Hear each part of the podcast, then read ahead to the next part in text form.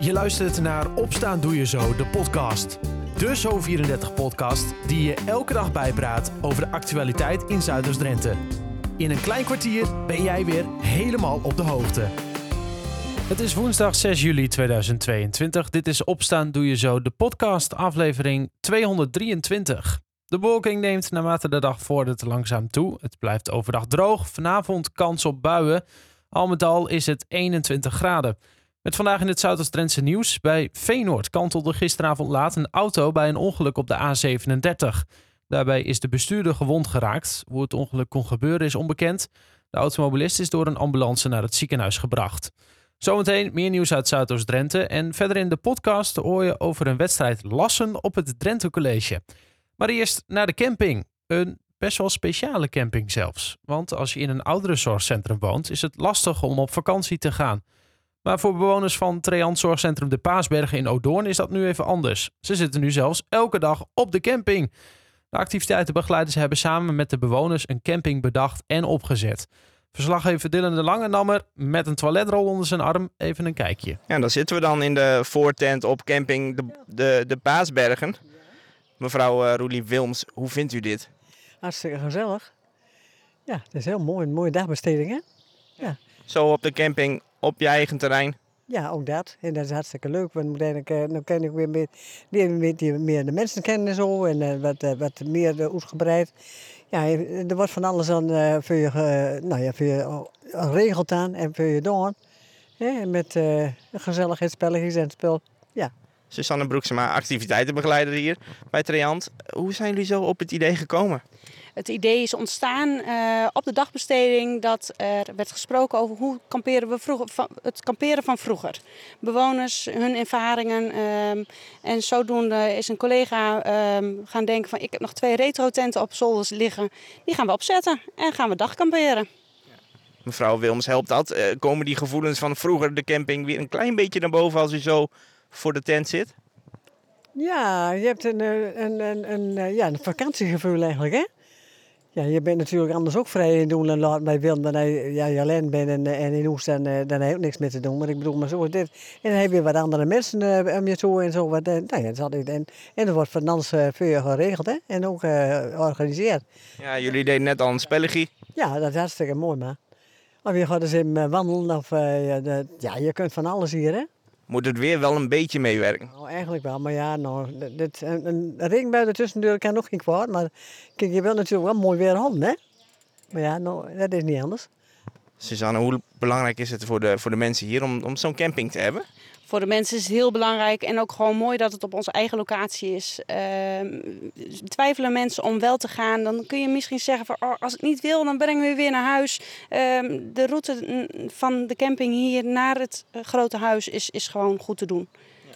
Bijzonder project ook wel. Absoluut, absoluut. Uniek. Ja.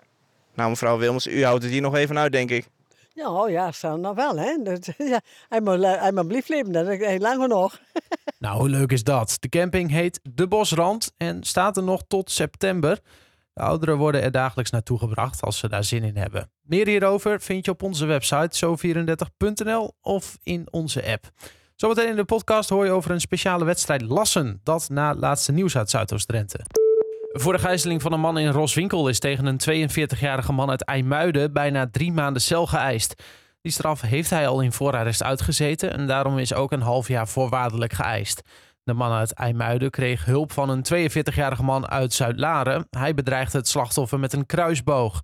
Hij hoorde een jaar voorwaardelijke celstraf tegen zich eisen. Het tweetal dacht dat de man in Roswinkel de vriendin van de Zuid-Lader vasthield, maar dat bleek niet te kloppen. De rechter doet over twee weken uitspraak. Bij Veenoord kantelde gisteravond laat een auto bij een ongeluk op de A37. Daarbij is de bestuurder gewond geraakt.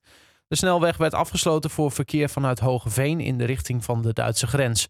Hoe het ongeluk kon gebeuren is onbekend. Meerdere hulpdiensten kwamen naar de plek van het ongeluk. De automobilist is door een ambulance naar het ziekenhuis gebracht. De vergunning van het Mercure Casino in Emmen is ingetrokken door burgemeester Erik van Oosterhout. Er zouden problemen zijn met de benodigde papieren. De zaak speelde onlangs bij de bezwarencommissie van de gemeente. Het casino aan het Willingplein mag tot de afwikkeling van de procedure nog wel open blijven. Volgens de advocaat van het casino draaien de problemen om naamsveranderingen op de papieren. En een 57-jarige Emmenaar hangt twee jaar cel boven het hoofd voor poging tot verkrachting van een 16-jarig meisje uit Emmen. De man was een vriend van de moeder van het slachtoffer. Tijdens een bezoek in januari ging hij naar de kamer van het meisje, kleedde zich uit en zou een kussen op haar hoofd hebben gedrukt. Een vriendin van het kind zou hebben kunnen voorkomen dat het meisje daadwerkelijk werd verkracht. De man ontkent het voorval. De rechter doet over twee weken uitspraak. Tot zover het laatste nieuws uit de regio. Voor meer ga je naar zo34.nl of je kijkt in de app.